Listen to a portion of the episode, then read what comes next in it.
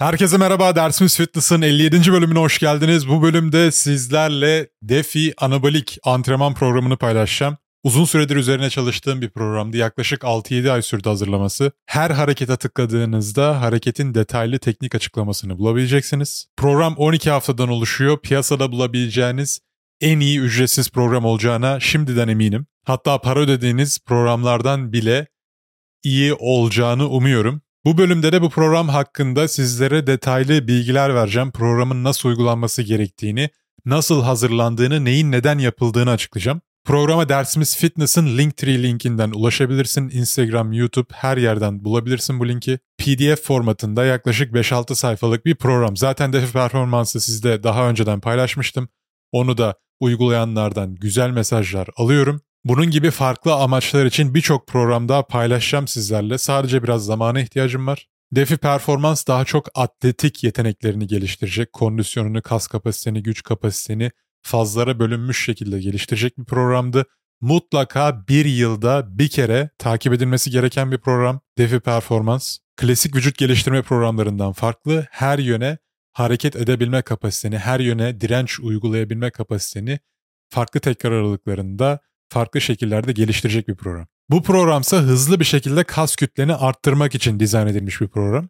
Detaylarına girmeden önce full body antrenman sistemi hakkında size biraz bilgi vermek istiyorum. Hala daha günümüzde birçok insan full body antrenman sisteminin kas gelişimi için ideal olmadığını savunuyor. Bu bilgi de nereden geliyor? Vücut geliştirmeciler tarafından geliyor. Günümüzde birçok vücut geliştirmeci split antrenman programını takip ediyor. Nedir yani? Büyük kas gruplarını haftaya dağıtıp haftada bir kere çalıştırıyor. Pazartesi göğüs, salı sırt, çarşamba bacak şeklinde devam ediyor. Küçük kas gruplarını da aralara serpiştiriyorlar. E sen de bakıyorsun şimdi vücut geliştirmecilerin hayvan gibi kas kütlesi var ve sana bu şekilde çalışmanı söylüyorlar. Diyorsun ki ya bu adam doğru söylüyor ben böyle çalışayım bunun gibi olurum ben de diye düşünüyorsun haklısın. Kas gelişimine uzun bir süre ben de bu şekilde yaklaşıyordum ta ki vücut geliştirmenin tarihçesini okuyup öğrenene kadar. 1970'lerle steroid kullanımı başladıktan sonra vücut geliştirme split antrenmana evriliyor. Bunun öncesinde herkes full body çalışıyordu. Hani bir laf vardır ya silah bulundu mertlik bozuldu şeklinde tıpkı steroidlerin ortaya çıkması da bir nevi buna benziyor. Vücuduna çok yüksek oranda testosteron alıyorsun. Bu testosteron senin kas yapma sinyallerini hafta boyunca yüksek tutuyor. Yani kasına bir kere zarar verdiğinde, oturup bütün gün göğüs çalıştığında kasın verdiğin bu hasardan toparlanma sağlayabiliyor. Çünkü toparlanma kapasiteni anabolik hormon alarak genişletmiş oluyorsun. Aynı zamanda bu anabolik hormonlar senin daha fazla yemek yemene imkan sağlıyor. Daha sert çalışıp daha fazla testosteron salgılayıp daha fazla yediğinde de dolayısıyla daha hızlı gelişiyorsun. Şimdi bunu dinleyen garibim doğal sporcularda, spora yeni başlamış insanlarda bu insanlardan tavsiye alıyorlar. Tamam ben de o zaman haftada bir kez çalışayım ama senin testosteron kapasiten onun belki beşte biri, yediğin yemek, protein onun beşte biri, yaptığın antrenman onun önerdiği antrenman. Dolayısıyla sonuç alman çok zor. Aynı zamanda şunu unutmaman lazım. Tıpkı basketbolcular gibi her basketbol oynayan 2 metre oluyor mu? Olmuyor. Yani basketbol oynamak boy uzatmıyor. Boyu uzun olanlar basketbol oynuyor. Aynı şekilde vücut geliştirmeciler de böyle genetiği iyi olan, kas yapmaya müsait olan insanlar vücut geliştirmeye yöneliyorlar. O antrenmanları her yapan insan o şekilde olmuyor. Öyle olsaydı zaten sen de aynı şekilde o önerileri antrenman programını takip ettiğinde onlar kadar büyümüş olurdun. Bu vücut geliştirmecilerin de kendi üzerinde işe yarayan metotları insanlara anlatmalarını, bunu savunmaları, bunun işe yaradığını düşünmelerini anlayabiliyorum. Fakat sıradan insanlar bu antrenman sisteminden aynı şekilde fayda elde edemezler. Bilimsel olarak bu imkansız. Araştırmalara baktığın zaman normal, ortalama bir insan vücudunda kas yapma sinyalleri yani bir zarar verdiğin zaman kasa protein sentezi 48 ila 72 saat boyunca yükselişte kalıyor. 72 saat sonra düşüşe geçiyor. Yani kasına ne kadar hasar verirsen ver 3 gün sonra yeniden bir sinyal göndermen gerekiyor. Ama sen tek günde çok fazla hasar verdiğinde 3 gün sonra kasların hala ağrıyorken hasar veremiyorsun dolayısıyla. Protein sentezi de düştüğü için kas gelişimin ister istemez yavaşlıyor. Daha mantıklı yöntemle kasına ortalama bir zarar verip her 2 günde bir, 3 günde bir bu zararı yenilemek. kas yapma sinyallerini bu şekilde daha sık göndereceğin için şiddeti daha ideal bir şekilde ayarladığın için gelişimin çok daha hızlı olacak. Kas yapma sinyallerine baktığın zaman biz şunu düşünüyoruz. Sanki kası geliştirmenin tek yolu kasa zarar vermek. Hayır bu doğru değil. Kas yapma sinyalleri sen yüksek protein yediğinde de olur, düzenli uyuduğunda da olur, vücudunda yüksek testosteron salgılandığında da olur. Sadece kasa zarar vermeden pump hissini yarattığın zaman yani hasarlı bölgeye kan pompaladığın zaman da olur.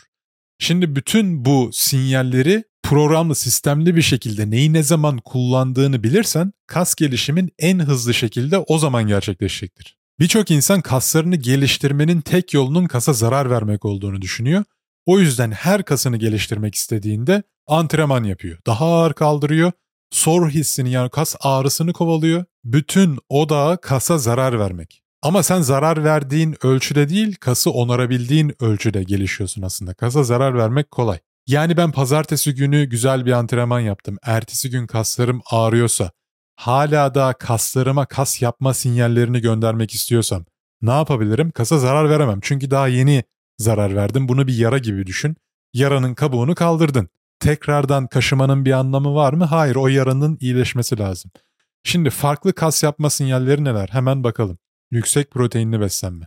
O zaman ben pazartesi sert bir antrenman yaptıysam salı günü protein tüketimime dikkat ediyorum. Ben yüksek proteinli beslendiğimde vücudumda protein sentezi daha da artıyor. Kas yapma sinyalini yüksek tutmuş oluyorum. Bir diğeri nedir? Düzenli uyku. Düzenli olarak uyuduğumda aynı şekilde kasıma zarar vermeme gerek yok geliştirmem için. Zaten zararı verdim. Düzenli bir şekilde uyuduğumda yine testosteronumu arttırmış oluyorum. Yine farklı bir kas yapma sinyali testosteron hormonu. Bu şekilde gelişimimi sürekli hale getirmiş oluyorum. Çarşamba günü geldiğinde ya da perşembe günü geldiğinde tekrardan zarar verebilirim. Bu şekilde aslında kas yapma sinyallerini programlayarak sistemli bir şekilde ilerliyorum. Aynı zamanda tetik antrenmanları kasına zarar vermeden hafif bir şekilde direnç bantlarıyla kasına kan pompalamak. Kandaki bütün besin maddelerini, amino asiti kas dokusuna göndererek orada toplayarak onarımı hızlandırmak. Bu anlattığım konuyla ilgili çok enteresan bir araştırma var. Dört farklı grup üzerinde araştırma yapıyorlar. Yaklaşık 16 hafta sürüyor bu araştırma. Gruplardan bir tanesi normal, hiçbir şey yapmayan insanlar. Bir diğeri doğal sporcular, ağırlık antrenmanı yapan sporcular. Bir diğer grup testosteron hormonu alan yani steroid kullanan fakat hiçbir şekilde egzersiz yapmayan bir grup.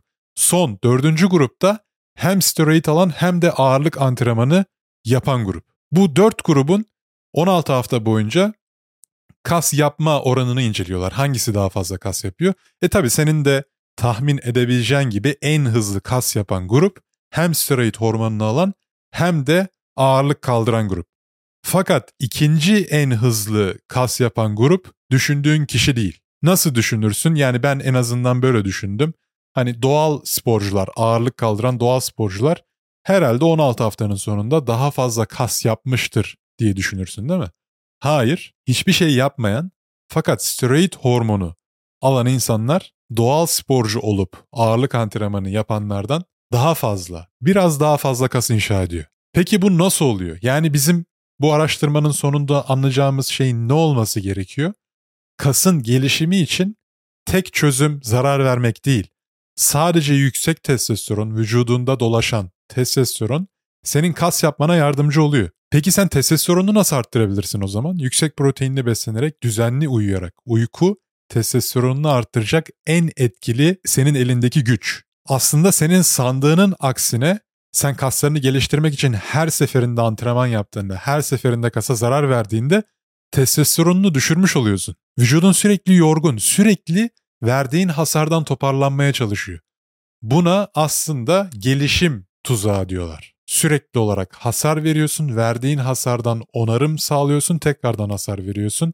Yani yara kabuk bağlıyor, tekrardan kabuğu kaldırıyorsun. Kabuk bağlıyor tekrardan derken hiçbir şekilde o yaranın iyileşmesine, adapte olmasına, gelişmesine müsaade etmiyorsun. Birçok insan spor salonunda bu mentaliteyle antrenman yapıyor. Askeri okulda savaş tarihini, savaş taktiklerini bize öğretirlerken sürekli olarak böyle milattan önceki savaş taktiklerini işte Osmanlı'nın uyguladığı işte ilk Türklerin uyguladığı savaş taktiklerini falan öğretiyorlardı. Ben de diyordum ki ya hani neden biz hala bunları işliyoruz? Yıl olmuş bilmem kaç, teknoloji nerelere gelmiş? Biz neden yeni ekipmanların sistemlerini falan öğrenmiyoruz, okumuyoruz da hala da yıllar öncesinden kalma savaş taktiklerini çalışıyoruz diye. Komutanlarımız şöyle cevap vermişti. Bir şeyin temelini anlamazsan, basitleştirilmiş şeklini, özünü anlamazsan karmaşık halini hiç anlayamazsın. Hannibal'ın milattan önce 200'lerde ortaya çıkarttığı savaş taktikleri benim bugün ne işime yarayacak diye düşünürsün değil mi? Ama hala da mesela günümüzde Ukrayna-Rusya savaşında, Suriye savaşında, İsrail-Filistin savaşında temel piyade savaş taktikleri kullanılıyor. Aslında teknolojinin ne kadar geliştiğinin bu noktada bir önemi yok. İşe yarayan core savaş stratejileri belli. Vücut geliştirme de aynı şekilde. Eğer sen vücudunun ulaşabileceği maksimum kas kapasitesine, güç kapasitesine ulaşmak istiyorsan, fiziğini değiştirmek istiyorsan, steroidli insanların önerdiği tavsiyeleri değil, bunlar piyasaya çıkmadan önce ilk başta insanlar nasıl kaslarını geliştiriyordu? Doğal sporcular tarihte nasıl antrenmanlar yapıyordu?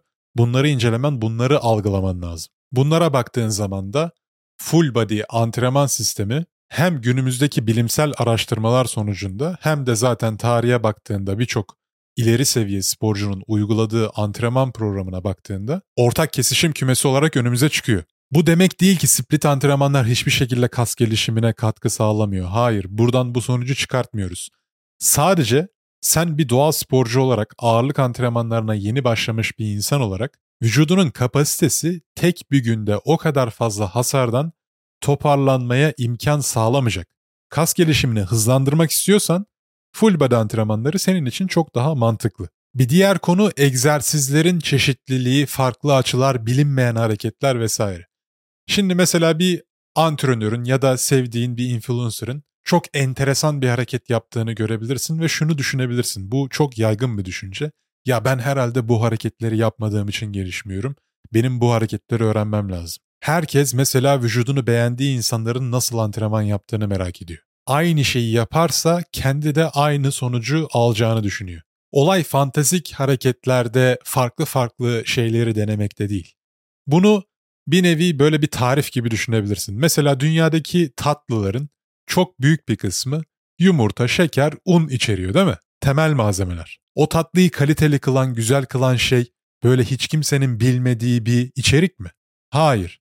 Sadece bunların hangi sırayla konduğu, hangi miktarla konduğu, nasıl pişirildiği, nasıl hazırlandığı, nasıl marine edildiği vesaire. Antrenman programlaması da bundan farklı değil. Yani senin hazırlayacağın tarife giren malzemeleri hareketler olarak düşünürsen, senin bilmediğin çılgın bir hareket yok.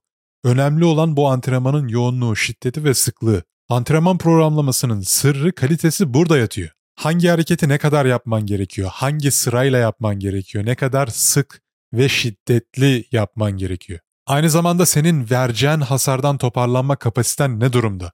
Bu kapasiteye göre şiddet uygulaman gerekiyor. Hızlı kas gelişiminin temeli tam olarak bu noktada yatıyor. Bunları algılamadan, vücudunu dinlemeden, sadece başkalarından gördüğün, vücudunu beğendiğin insanların tavsiyelerini takip ederek, programlarını takip ederek hiçbir yere varamazsın. Bu süreci hızlandırmak için dışarıdan ekstra hormon alarak bu yola girmek istiyorsan sağlığını ciddi bir şekilde tehlikeye attığının farkında ol. Günümüzde steroidden ölen sporcuların yaş sınırı 30'lara kadar düştü. Her steroid kullanan 30 yaşında ölecek diye bir şey yok. Fakat ateşle oynuyorsun. Bundan 100 yıl 200 yıl öncesindeki insanların, vücut geliştirmecilerin, o zamanki powerlifterların uyguladığı yöntemler eskide kaldı. Artık onlar geçerli değil. Şu anki araştırmalar çok daha popüler vesaire gibi düşünüyorsan yani o bilgileri küçümsüyorsan yanılıyorsun. Oradaki insanların uyguladıkları yöntemler kısıtlı imkanlar dahilinde herhangi bir ilaç, protein tozu, kısıtlı besinler dahilinde gerçekleştiği için aslında çok daha etkili. O imkanlarda bile bu kadar çılgın sonuçlar alabiliyorlarsa demek ki bazı şeyleri doğru yapıyorlar. Senin Instagram'da dinlediğin o et kafalı influencer'dan çok daha şey bildiklerine emin olabilirsin. Şimdi bir de vücut geliştirme dünyasında tekrar aralıkları ile alakalı büyük bir tartışma söz konusu. Yüksek tekrar şişirir, işte düşük tekrar güçlendirir falan bu tarz düşünceler var. Araştırmalar günümüzde bir tekrarla 50 tekrar arasındaki bütün tekrarların kas gelişimine katkı sağladığını gösteriyor. Sadece bunu nasıl uyguladığın, ne zaman uyguladığın, kime uyguladığın önemli. Powerlifter'lara baktığın zaman 5 tekrarın üstünde çalışmıyorlar. O zaman bu adamların hiçbir şekilde kas yapmaması gerekiyordu. Strongman'lar aynı şekilde. Bunların kaslı olmaması gerekiyor çünkü 5 tekrarın altında çalışıyorlar. Öte yandan bodybuilder'lara bakıyorsun. 20 tekrara kadar çıkıyorlar. Büyüklük olarak, kapasite olarak kas kapasitesi powerlifter'lardan belki 3 kat daha fazla ama powerlifter'lardan 3 kat daha az aslında güçsüzler. Yani burada onların bu kadar kaslı olması sadece uyguladıkları antrenman metodundan kaynaklanmıyor. Aldıkları anabolik hormonlar onları bu şekilde görünmeye sevk ediyor aslında. Aynı şekilde antrenman şiddetleri de bu iki sporcuların birbirinden çok farklı. Vücut geliştirmeciler bir günde yüksek şiddetli antrenmanlar yapıp haftada belki bir gün, iki gün çalıştırıyorlar aynı kas grubunu. Ama öte yandan powerlifterlara baktığın zaman bu adamların işi pratikle. Günde iki antrenman yaptıkları oluyor ama şiddet düşük, boş barla çalışıyorlar ama çok daha sık antrenman yapıyorlar. Güç kapasiteni arttırmak istiyorsan aslında güç bir yetenek.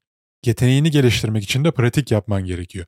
İşte bugün YouTube'da çok popüler olan Anatoli'yi mutlaka görmüşsündür. Spor salonuna temizlikçi kıyafetiyle gelip orada herkesi tokatlıyor gidiyor. Çok fazla ağır kilolar kaldırabiliyor. Zayıf bir çocuk. Nasıl oluyor bu? Bu adam bol bol pratik yapıyor. Görünümüne aldanma. Güç kapasiteni geliştirmenin olayı tamamıyla yetenekle alakalı. Bu yetenek de pratikten geçiyor. Bir vücut geliştirmeciye baktığın zaman ya da öyle çok kaslı görünen bir adama baktığın zaman belki haftada işte 4 set deadlift yapıyordur. Anatolia'ya baktığın zaman o adam zamanında eminim haftada 40 set, 50 set deadlift yapmıştır. Bu demek değil ki her seti ağır kilo kaldırmıştır. Hayır. Adam tekniğini iyileştirmiş. Hareketi refleks haline getirmiş. Her antrenman yaptığında kasına zarar vermen gerekmiyor. Her sete başladığında tükenişe gitmen gerekmiyor. Güç bundan çok daha farklı bir şey. Vücudunun ihtiyaçlarını algılayabilirsen sinir sistemini prime yapabilirsen nasıl çalışman gerektiğini bilirsen neyi ne zaman vermen gerektiğini o mükemmel tarifte mesela neyi ne kadar pişirmen gerektiğini ne kadar bekletip terbiye etmen tuzu şekeri ne zaman katman gerektiğini bilirsen o zaman mükemmel tarif ortaya çıkıyor sonuç alıyorsun. Bunu zaten uzun süre insanları çalıştıran herhangi bir antrenör anlamak zorunda. 10 yıl ve üzerinde bir insanı çalıştırıyorsan yani işin buysa bu işten para kazanıyorsan bunu zaten deneme yanılma yöntemiyle zaman içinde çözüyorsun. Çözmek zorundasın. Bu insanların hiçbiri steroid kullanmıyor. Hiçbiri işte 3 öğün yüksek proteinli beslenmiyor ya da uykularına dikkat etmiyor. Bu insanların hepsi işinde gücünde yoğun bir iş programına sahip olan, beslenme alışkanlıkları ortalamanın altında olan, antrenman yapmak istemeyen belki tembel insanlar değil mi? Sen bu insanları bir şekilde eğiterek, bilgilendirerek fiziklerini değiştirmelerine yardımcı olmaya çalışıyorsun. Ve burada gerçekten işe yarayan yöntemleri kişiye uygun bir şekilde bulmak zorundasın. Çünkü bu adam sana bunun için para ödüyor. Ve 10 yıl boyunca, 15 yıl boyunca bu işten para kazanıyorsan büyük ihtimalle bir şeyleri çözmüşsün demektir. O yüzden bu antrenörlerle konuştuğunda zaten ortalama bir insanın kas gelişimi için full body antrenmanlarının çok daha mantıklı olduğunu sana söyleyecektir. Burada hatanın çoğunluğu da vücut geliştirme dergilerinde aslında. İşte Muscle and Fitness, Men's Health, Flex Magazine bunlara baktığın zaman her ay yeni çarpıcı bir antrenman programıyla önüne gelmek zorundalar. Bir kapak fotoğrafı koyuyorlar. Meşhur bir vücut geliştirmecinin kapak fotoğrafı. 50 santim kollar. Ronnie Coleman'ın şu antrenmanı, bu antrenmanı. E zaten oradaki yazan bilgiler de yalan. Ronnie Coleman hayatı boyunca yaptığı hareketler belli. Adam deadlift yapıyor, squat yapıyor, curl yapıyor. Bildiğin klasik hareketler. Sen Ronnie Coleman'ı böyle fantezik bolun üzerinde, pretest bolun üzerinde bilmem ne hareket yaparken hiç gördün mü? Var mı böyle bir fotoğraf? Yok. Olay fantezik hareketlerde değil. Bunun da farkında ol. Bu tarz dergiler satmak için dikkat çekmek zorunda. Aynı şekilde YouTube'daki videolar 10 dakikada karın kasını geliştir. Bu videoların izlenebilmesi için böyle başlıklar atılması gerekiyor. Başka türlü bu videolar izlenmiyor. Yoksa o adam videoya girdiğinde zaten sen de göreceksin. Bomboş konuşan bir adam. Ama ne oluyor? Onlar işe yarıyor. O dergiler satıyor, o videolar izleniyor. Böyle de bir gerçek var. Doğru yol maalesef zaman alıyor. Sabırlı bir şekilde aylar içerisinde, yıllar içerisinde kas kütleni inşa etmeye başladığında, daha fazla kas kütlesine sahip olduğunda onu koruması çok daha kolay hale gelecek. Az önce kas yapma sinyallerinden bahsettim. Daha fazla lean kas kütlesi olan insanın kas yapma sinyalleri de daha yüksek olacaktır, daha uzun süreli olacaktır. Belli bir altyapıyı oluşturduktan sonra, belli bir kas kütlesini oluşturduktan sonra antrenman programını kendi sevdiğin tarzda çeşitlendirebilirsin. Ama bu noktaya gelene kadar sana en çok yardımcı olacak.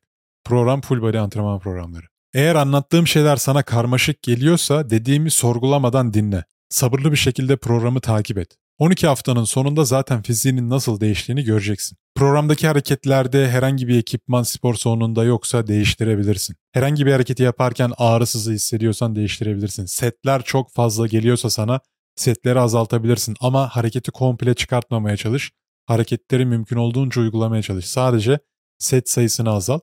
Antrenmanda bu tarz ufak tefek değişiklikler yaparak kendine uygun hale getirebilirsin. Fakat ana yapıyı bozma. Bu program onlarca yüzlerce insan üzerinde denenmiş ve sonuç alınmış bir program. Zaten ben bunun kalitesinden şüpheli değilim. Sadece senin bunu algılamana ihtiyacın var. 12 haftada bir şey kaybetmezsin. Şu anki mevcut rutinini bırakıp bu programı uygulayabilirsin. Şimdi hızlıca bir antrenman programına göz atalım. Zaten faz özetine baktığın zaman her şeyi net bir şekilde göreceksin.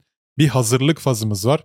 Hazırlık fazı antrenmana yeni başlamış insanlar için uygulanması gereken bir faz zaten yıllardır antrenman yapıyorsan bu fazı atlayabilirsin. Zaten her fazın ne kadar sürdüğü, ne kadar tekrar aralığı yapman gerektiği, ana antrenmanlar, tetik antrenmanları, dinlenme süreleri her fazda takip etmen gereken mentalite bunların hepsini faz üzerinde bulabileceksin. Hazırlık fazı 1-3 hafta diyor. Bu ne demek? Yani 1, 2. ve 3. haftalarda bu programı takip edeceksin. Hazırlık fazını takip edenlerin aynı programı, buradaki programı Haftada iki gün yapmaları yeterli olacaktır. İsteyenler üçe de çıkartabilir. Burada kimin ne kadar yapacağı tamamıyla herkesin kişisel toparlama kapasitesine göre, beslenmesine, uykusuna göre değişir. Ama şunu unutma, daha fazla yapınca daha fazla gelişmeyeceksin. O yüzden vücudunu dinle. Yorgunsan antrenmana gitme, dinlen. Tek kas yapma sinyali kasa zarar vermek değil. Otur, beslen, adam akıllı yüksek protein ye. Tetik antrenmanlarını yap. Zaten her dinlenme gününde tetik antrenmanlarını yapacaksın. Bunu da programın 5. sayfasında göreceksin. Senin için 3 tane örnek tetik antrenmanı koydum oraya. Buradaki amaç kasa zarar vermek değil. Sadece kasa kan pompalayarak gelişimini hızlandırmak. O yüzden kullanabileceğin en iyi ekipman ya vücut ağırlığı ya da direnç bandı. Kaslarında kesinlikle yanma hissetmiyorsun. Günde 1 ila 3 seans arasında uygulayabilirsin. Her seans maksimum 10 dakika sürecek. 10 dakikanın üzerine çıkma kaslarında yanma hissetme, tükenişe gitme. Bu tetik antrenmanları senin ana antrenmanlarının arasında uygulayacağın için o kas yapma sinyallerini sürekli olarak yüksek tutacak, düşüşe geçmesini engelleyecek. Bu programı takip ederken mümkün olduğunca yüksek proteinli beslenmeye özen göster. Dersimiz Fitness Podcast'inin diğer bölümlerini izle. Zaten orada birçok bilgi verdim sana. Uykuna çok dikkat et testosteronunu arttıracak en önemli etkenlerden bir tanesi uyku. Uykuyu bir nevi steroid gibi düşünebilirsin. Doğal sporcunun steroidi uykudur. Ne kadar kaliteli ve düzenli bir uyku rutini yaratabilirsen testosteronun o kadar artacaktır. Diğer haftalara baktığında da yine full body sistemi şeklinde devam ediyor. Tekrar aralıkları her fazda değişiyor. Her faz 3 hafta sürecek. Zaten defi performansı takip edenler benim hazırladığım antrenman programlarındaki mentaliteyi algılayacaktır. Arkadaşlar bu programı hazırlarken gerçekten bazı günler 10 saat çalıştıktan sonra spor sonunda videolar çekip arkasında işte sesli anlatımlar vesaire yapıp altyazılarını koyup sizlere hazır hale getirmeye çalıştım. 6 aydır aktif olarak uğraşıyorum. Kaliteyi sürekli olarak arttırmaya çalışıyorum. Defi performanstan daha kaliteli, daha donanımlı bir program oldu. Sizden tek isteğim bu programı uygulayın, vücudunuzdaki değişimi görün. Ne demek istediğimi zaten anlayacaksınız. Arkadaşlarınızla paylaşın. Bu emekten herkes bir şekilde faydalansın istiyorum. O yüzden herkes bir arkadaşıyla paylaşsa zaten hızlı bir şekilde yayılacaktır diye düşünüyorum. Hepinize sağlıklı, huzurlu haftalar diliyorum. Bir sonraki bölümde görüşmek üzere.